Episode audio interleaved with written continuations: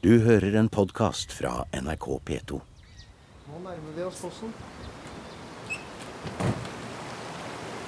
Det er jo ganske storslått. Her har vi Skrimfjella. Hedenstad kirke ligger der oppe. Middelalder eh, steinkirke. Så er det Heistadmoen militærleir eh, litt lenger ut. Og for et flott utsyn. Ja. Et fantastisk utsyn med fossen her, industribygningene som ligger der nede, tømmerrenna og lyden. Ja. Ja. Veldig mange av de nasjonalromantiske malerne var jo her på, eh, fra 1826 og utover. Så I.C. Dahl var vel den første som var her. Eh, Men da industrien kom her for fullt, så var jo ikke dette interessant for dem lenger. Ja, For de syns at industrien ødela, ja. Ikke sånn som vi har gått og snakket om her, hvordan det er et fantastisk eh, møte mellom kultur og natur. Nei, de, de hadde nok et helt annet syn på det.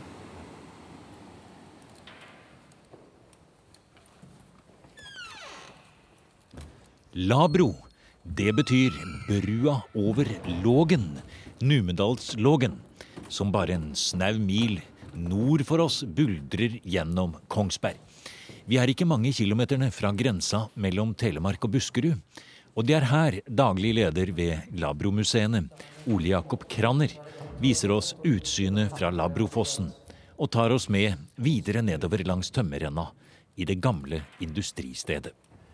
Ja, her har vi kommet inn i en eh, stor eh, industrihall, får vi nesten si. Og hva er, hva er den eh, flotte lukta vi kjenner her? Det er oljelukt. Det er ekte industri og oljelukt, ja. Dette er industri. Og vi ser dette enorme lokalet. Hør på den klangen. Og vi ser opp her, vi legger hodet helt bakover, og det er store traverskraner og høye, flotte vinduer. Det vi ser her, det begynte i 1872. Kongsberg fikk eh, jernbane i 1871. Og vi har, står ved Labrofossen, og vi, eh, der hadde de masse kraft som ikke ble utnytta fullt. Da ble det bygd et tresliperi her. Da, med jernbanen så var det greit å få frakta ut eh, produktene. Og det er jo litt av et anlegg her, for det vi står og ser på Vi har en frådende foss som går på den ene siden her. Vi ser i en sånn stor, flott modell. Og så er det en kjempelang tømmerrenne. Og så er det mange bygninger. 1, 2, 3, 4, 5, 6, 7, 8, 9, 10 bygninger. øh, Og kraftverk og andre også tresliperi, som du sier. Store piper. Dette var jo et kjempestort industrianlegg. Ja, det var eh, svært. Eh, Tresliperiet var rundt 1900 et av de største i landet, og det jobba rundt 100 mann her. Eh, Noen år seinere så begynte de å forhandle om å bygge kraftstasjon med leveranser nedover mot Drammen. Og kraftstasjonen var ferdig i 1910, og leverte da strøm ned dit. Så det var til Drammen den strømmen ble sendt. Alt det moderne var her av ny industri, elektrisitet, men vi må jo huske på at det det bygger på, det er jo de eldste av alle naturressursene som er i hele dette området. Det er skogen, og det er vassdraget. Ja, altså Numedalsvassdraget som vi står ved, det går jo da fra Hardangervidda og renner ut i Larvik. Hvordan var historien her for dette industrianlegget vi ser her? Det hadde altså en 50 års eh, glans- og utbyggingstid, kan man si, men hva skjedde? Eh, Det ble mindre lønnsomt å produsere tremasse, mer lønnsomt å produsere strøm. Drammen kommune trengte mye strøm, så det endte med at eh, tresliperiet ble nedlagt, og Drammen kommune overtok hele området her. Og fortsatte å bygge ut, sånn at kraftstasjonen ble til slutt dobbelt så stor i forhold til det vi ser på modellen. Nå går vi opp på broa. Ja, nå er vi oppe på brettet. Brettet, ja. Ja. Og her står det en eh, lang rekke instrumenter med, med ratt og stål under, altså styringstavler og store ampermetere. For et flott anlegg, altså. Og alt står jo slik som det var. Ja, det, det var drift her fram til eh, 1983. Eh, Da ble den nye kraftstasjonen åpna, og så var det i bruk som flomkraftverk i ennå ti år til. Eh, Da raste taket her. Første vinteren etterpå, da la snøen seg for første gang på taket. For før så var det så varmt at det, inne i hallen at det smelta. Så la snøen seg, og da raste det. Så det er gjenoppbygd identisk med sånn som det var. Så Derfor så ser man at eh, enkelte av instrumentene her og, eh, er eh, litt knust. Og du kan se litt skader på, på turbiner og sånn, men det har holdt seg forbløffende godt. Men, men her var det da de sto og styrte hele kraftstasjonen. Og det måtte jo være folk her konstant. Du kunne ikke fjernstyre kraftstasjonen sånn som du gjør i dag. Det måtte hele tiden være noen som var her og passa på. For en kunnskap og for en erfaring som må være her, ja. Trottelventil, pådrag, generator 4, transformator 4, voltmeter, ampermeter. Det er masse som skal følges med på her. Ja. Så det var eh, brettvakter som jobba skift, sånn at det alltid var noen til stede. På Labro er det tre museer. Vassdragsmuseet med en utstilling i Turbinhallen som viser kulturhistorien langs vassdraget, med natur, kultur og industri. På anlegget er det også et eget veimuseum og Numedalslågens fløtningsmuseum. Vi er på vei dit, hvor vi har en avtale med tre tidligere fløtere, tre tidsvitner, som vil fortelle om sine egne erfaringer med det å fløte tømmer. Men da må vi først stoppe her, sier Ole Jakob Kraner. Utenfor den flotte fabrikkhallen hvor tømmerrenna krysser Lågen. Og her står vi da ved et av de mer kritiske punktene. For uh, her har man jo da ca. 40 meters fall fra starten. Og så har man en sving her samtidig. Så her hadde stokkene lett for å kile seg. Her hadde de også stor fart, kanskje? Ja, stor fart, og så en sving, så da var det lett at det satte seg fast. Mm. Så av og til så kilte de seg, av og til kunne en stokk dra rett gjennom sida på, på renna. Og det kunne også skje at en stokk rett og slett kunne bli pressa opp av renna og komme gjennom lufta her nede. Bli sendt ut av renna. Og da var det om å gjøre å få stoppa så fort som mulig før det virkelig hopa seg opp her. Og derfor så måtte man da ha denne varslinga. Og i mellomtiden så samla det seg jo bare mer og mer stokker på oversida. Det er i dag nesten som en sånn kunstinstallasjon, skulle man nesten si med så mange forskjellige ting som eh, møtes her. Et, et flott syn. og dette med industriarkitektur Ole Jakob, og dette med møte, det at man, vi ser så tydelig de naturressursene den bygger på, med vassdraget, skogen står rundt oss her. Og ja, tenk å komme hit for 100 år siden, ut i, nærmest i skauen her, og så se dette bygget, et, nærmest et slott med de lyset som flommer ut av de svære vinduene. Og det, dette her var jo lenge før det ble vanlig med elektrisk lys og strøm. Det må jo ha vært veldig spesielt. Og, og i tillegg lyden som kom fra bygningen. Det... Selv, det var selve fremtiden. Det var selve det man skulle bygge den nye verden på. Denne elektrisiteten som man hentet ut av fossene her. Mm. Her går det mølle. Her går det sag, og her borte har du enda et større anlegg, ja. Her har vi uh, stampemølla. Ja. Den, er, uh, den er i full, full skala. Ja. Og se her. På.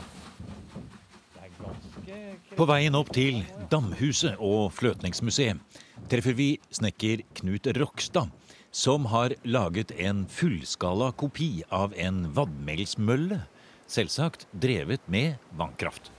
Her kunne du komme med, med vevd ullstoff og få det stampa til vømmøl. Ja.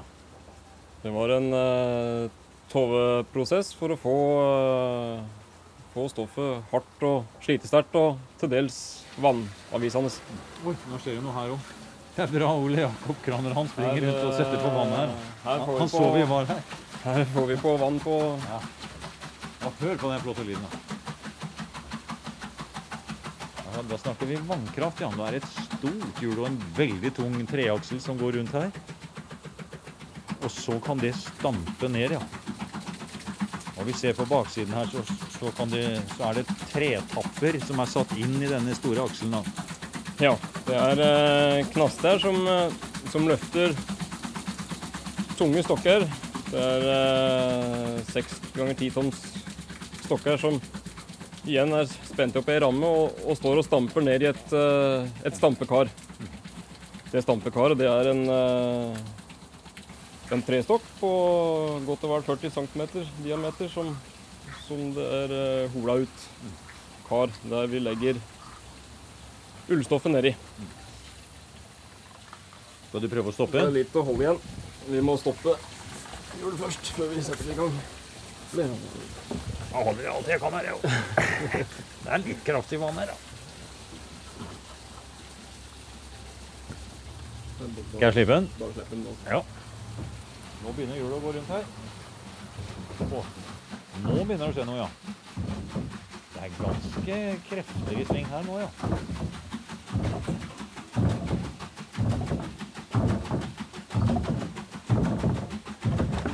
Lastene løfter nå opp stokkene og slipper dem ned igjen. Det er ganske krefter i det, ja. Frem som ei forvokst spelldåse. Nå går vi inn i Numedalslågens fløtningsmuseum. Der, ja. Og her står eh. Jeg må, jeg må få be om at dere presenterer dere. Ja, mitt navn er Bård Engelstad. Jeg er til daglig lærer Kongsberg videregående skole. Tidligere fløter. En tidligere fløter. Ja. Og så har vi Even Trond fra Røllag. Jeg er med tidligere fløyter. Jobber nå som journalist. Og her har vi Her har vi Dag Engelstad. Han er bror til Bård, som det framgår av navnet. Og jeg er også tidligere fløter. Jobber i industrien nå. ja. Fortsatt industrimann, ja. Eh, Even, la oss få høre litt. Du, har, du er jo også lokalhistoriker, eh, i tillegg til at du har vært eh, fløter og journalist og lærer og alt sammen. Fortell litt om noe av de historiske røttene bak fløtningen her i Numedalslågen. Ja, det er lange. Det er, en flere hundre år lang historie. Og vi veit jo ikke når den første stokken ble flytt nedover Laugen, men vi veit mye om sølvverkstiet. Da ble det flyttet enorme mengder ved til Kongsberg. De bruka det både til kullbrenning og til setteved, eller eh, til fyrsetting i gruven. Da ble det voldsomme mengder av det. Nå er jo, dette er jo et stort vassdrag i seg selv, et langt vassdrag, men så er det mange sideelver kanskje også. Og fløtningsdammer, andre mer grunne tilførselselver for å få frem virke. Hvordan ble det løst? Ja, de demte opp kjønner og Vatn og myrer med. Til og med myrer ble demt opp.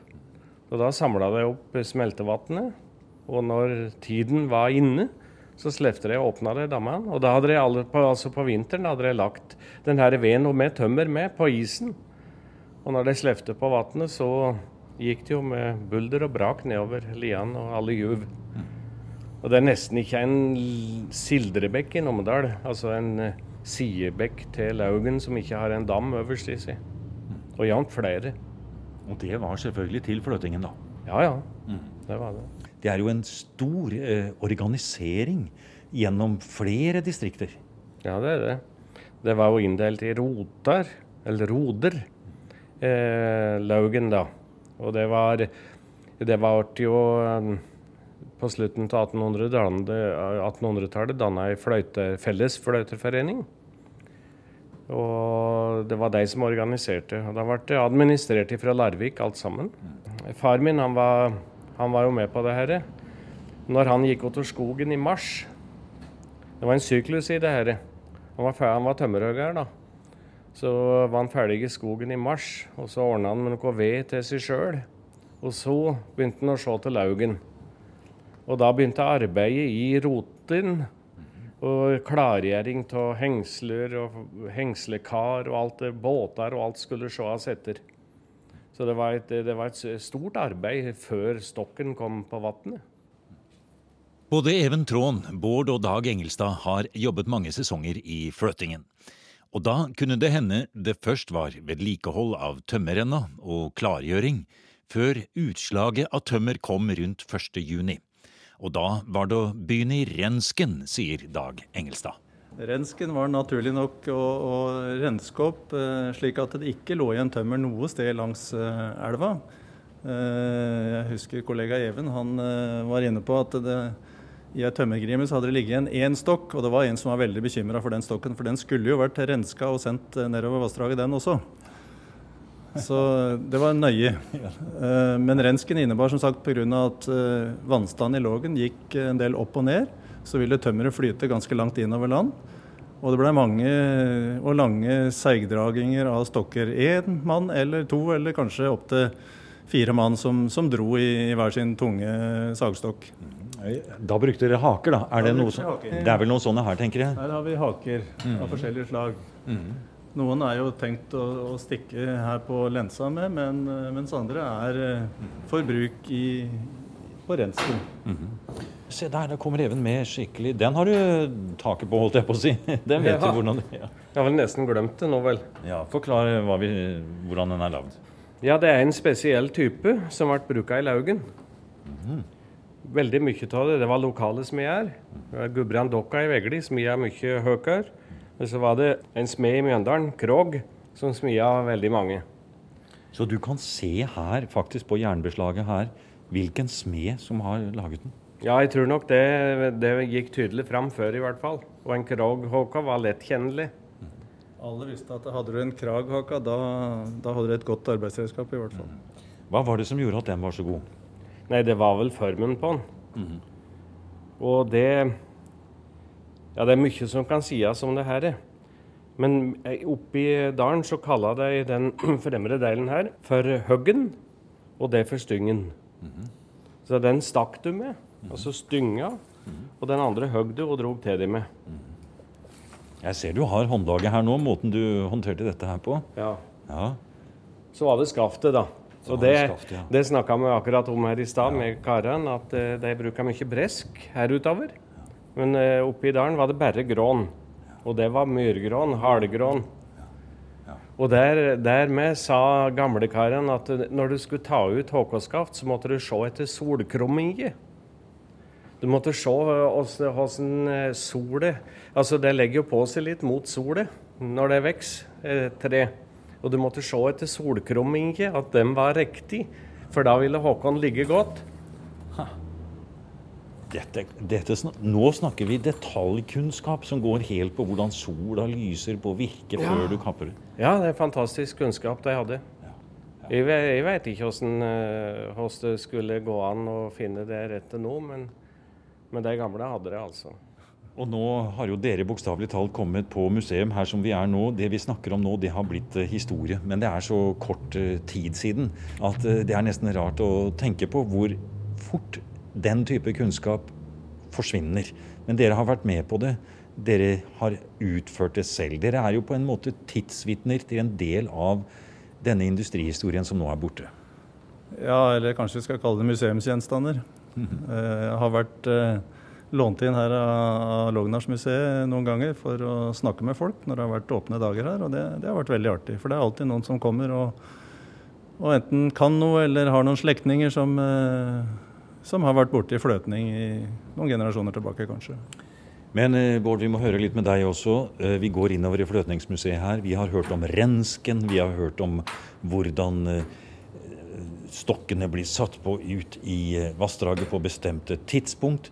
Men så kommer altså dette arbeidet hvor dere må følge stokkene nedover. Dere må overnatte på forskjellige steder, og dere må følge med tømmeret.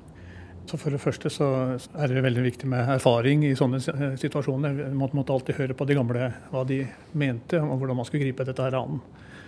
Eh, Så var det da avhengig av hvor dette satt. Vi satt i bunnen av en foss, så kan det hende at vi måtte inn med båt eh, på yttersida. Begynne å nappe ut fra, fra båt. Eh, Hvis Da, ikke, må, så- da måtte én ro, da, og en annen sitte med en hake. Nettopp. Ellers så var det vanligere kanskje at vi gikk på land. Og i mange av disse fossene er det et sånt stort midtberg, gjerne. eh, Ja, hvor, vi kunne komme til, da. Det gikk ut på disse midtbergene, Ja, da. ja. Hvor det kunne være litt glatt også, kanskje? Ja, det kunne det absolutt være. Både av fossespruten og, og regnvær. Så, så det, det, det var en del av risikoen kanskje som, som, som eh, fulgte med. Dette har du vært med på også, Even. Det å gå ut på sånne midtberg og stå og vurdere en sopp og lure på hvordan du skal gripe an det. For meg høres det ganske risikabelt ut. Ja, det var mer risikabelt. Men jeg, jeg var aldri redd. Det der var jeg så trygg på. Jeg hadde vært med siden jeg var liten. Så det, jeg, var, jeg var aldri redd for noe tingen. Jeg var kanskje litt for lite redd. For jeg hoppa ut på en haug en gang i Pikerfossen her over Kongsberg. Det er noe som kalles skrubbeløypa der, på østsida. Der er en stein uti, og der hadde det lagt seg på tømmer. Og der sa gamlekaren at det her rår vi ikke med, det må vi gå ifra. For det var ope vann mellom land og haugen. Men jeg var ganske fullt av saft og overmot, så jeg hoppa utpå og begynte å dra. Og så sto jeg med ryggen mot land. Og det fosseduren overdøvde alt, men jeg syns jeg hørte noe bak meg. Da jeg snudde meg, så så jeg Da sto karene der og ropa. Og da så jeg at jeg var på vei nedover. Hele haugen hadde løsna, og alt var på vei nedover. Og du med, ja? Ja, ja. Så da bruker jeg å hoppe i stav. Vi setter Håkon ned og hoppa det i kona. Og så sto karene der rekte ut hver sin Håkon på land. Så jeg hadde en å gripe tak i. Så jeg fikk drive meg opp det berget. Så løfta de litt på buksene sine, og så gikk de hver til sitt uten noe særlig kommentar. Det var ikke noe verre. Eneste far min tok meg litt til side, så sa han 'din tosk'. Så. Men, men eh, Bård var inne på noe veldig um, interessant her med det å se vannstand. Det var en som spurte meg en gang håndverket til en brøtningskar, eller fløyter, da. Og gikk det håndverket ut på? Og det har vi lura på litt på, men jeg, jeg, har kommet til det at det gikk på flere ting. Men det å lese vannet Det var en gammel en fra Vegli. Hølge Mykstu, han var, jeg var med han i prommen. Han var promskar, og jeg var håkåkar. Og han sa du må lære deg å lese vannet, sånn. For det å se akkurat kløyven jeg sveiver, og når du varpa ut tømmeret og får sleft det her varpa akkurat på kløyven så det rester i stryken, og ikke innati, det det var ganske vanskelig. Så han sa du må lære deg å lese av vannet, sa han. Og det prøva vi jo da, så godt med kona, sjølsagt. Men der, der lå det altså flere hundre års erfaring bak det utsagnet hans. Even Trond forteller om hvordan fløtelagene fulgte med tømmeret langs sine bestemte strekninger i vassdraget. Så overtok neste rode. Og det å gjøre ferdig sin del av jobben, det måtte markeres skikkelig. Ja, da, da nummerdølingen kom til Kongsberg, da, så var det slutt ved Lia-hengselet. Ja, For et hengsel, forklar hva det er. Ja, Det er, eh, det er liksom eh, Det er tømmerstokker som er eh, hekta sammen. Og demmer opp da for tømmeret, så det ligger der Det kommer ikke videre forbi der. Det er jo det som er hengselet. Og der ved Lia var det jo et stort hengsel. Og det var jo det å gå på. Og der ble det stykket igjennom, da. Men der var numedølingen ferdig. Så siste uka, siste, ja, siste uka på Rensken da hadde de med seg slips og hvit skjorte i sekken, karene, og, og ei eh, finere jakke. Og så eh, husker jeg mange av dem de la seg på kne på kanten, elvekanten og, og råka skjegget før vi skulle på Hotell Norge. For da hadde flytningssjefen ordna til middag. Det var som regel svinesteik. Og det var, det var en eh, selsom opplevelse. Mange av de karene her var til byen en gang i året, og det var da de kom med rensken. Så du skal se, det, det var litt rart å se. Husker de kom på, det var jo teppegulv på Norge. Og så kom ifra det de hadde ganget i vader her i flere uker om våren, og så kom de inn på teppegulv. Jeg så de gikk litt på en annen måte. på Hotell Norge? Ja. På Hotell Norge. Før det var det Fram. Ja. Men det var ikke Og så var det Taler. Og så var det Kyt. Så hadde jeg hadde gjort en god jobb. Og gamlekaren sa ja. De, de, sa ikke ja, men de, de nikka litt forlegent, og de var enige i det. hadde gjort en god jobb, og en viktig jobb hadde de gjort. Så fikk de oppgjøret i pergamentpøsa. Det telte aldri over. De godtok det. De stola på at flytningssjefen hadde regna riktig, og det var nok riktig. Så var det satt opp buss det var pjolter med. Så jeg hadde hatt den litt bak i nakken da de satt på bussen opp over. Siste kvelden. Og da kom det Kongsbergkarene og overtok tømmeret, da. Og da var de fleste av de karene som jeg vokste opp med, da, de var hjemme til Slåtten. Da begynte de med Slåtten hjemme hos seg sjøl. Mange var småbrukere der. Men det var da, sier Even Traan. Den siste stokken har gått, og nå er det ikke mer fløting i Numedalslågen. Nei, nå er det slutt. Og det kommer aldri att heller. Da skal, det, da skal det se rart ut. Men det er jo merkelig å se på hvordan utviklingen har eh, forandret seg. Her var det en periode du forteller om, og dere har vært med på selv, hvor eh, kanskje flere hundre fløtere måtte til for å få tømmeret frem langs hele vassdraget. Mens da i en skogsmaskin og med en trailer og med nybygde veier inn i terrenget, så, så er det jo ikke det samme yrket. Nei, det, det er helt noe annet. Det kan egentlig ikke sammenlignes. Det er vel eh, lukten av stokken. Den, eh, den er der enda. Det er det eneste.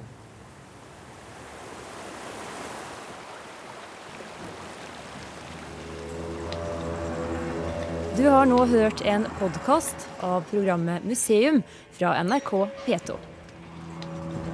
Og send gjerne en e-post til museum.krøllalfa.nrk.no. nrk.no.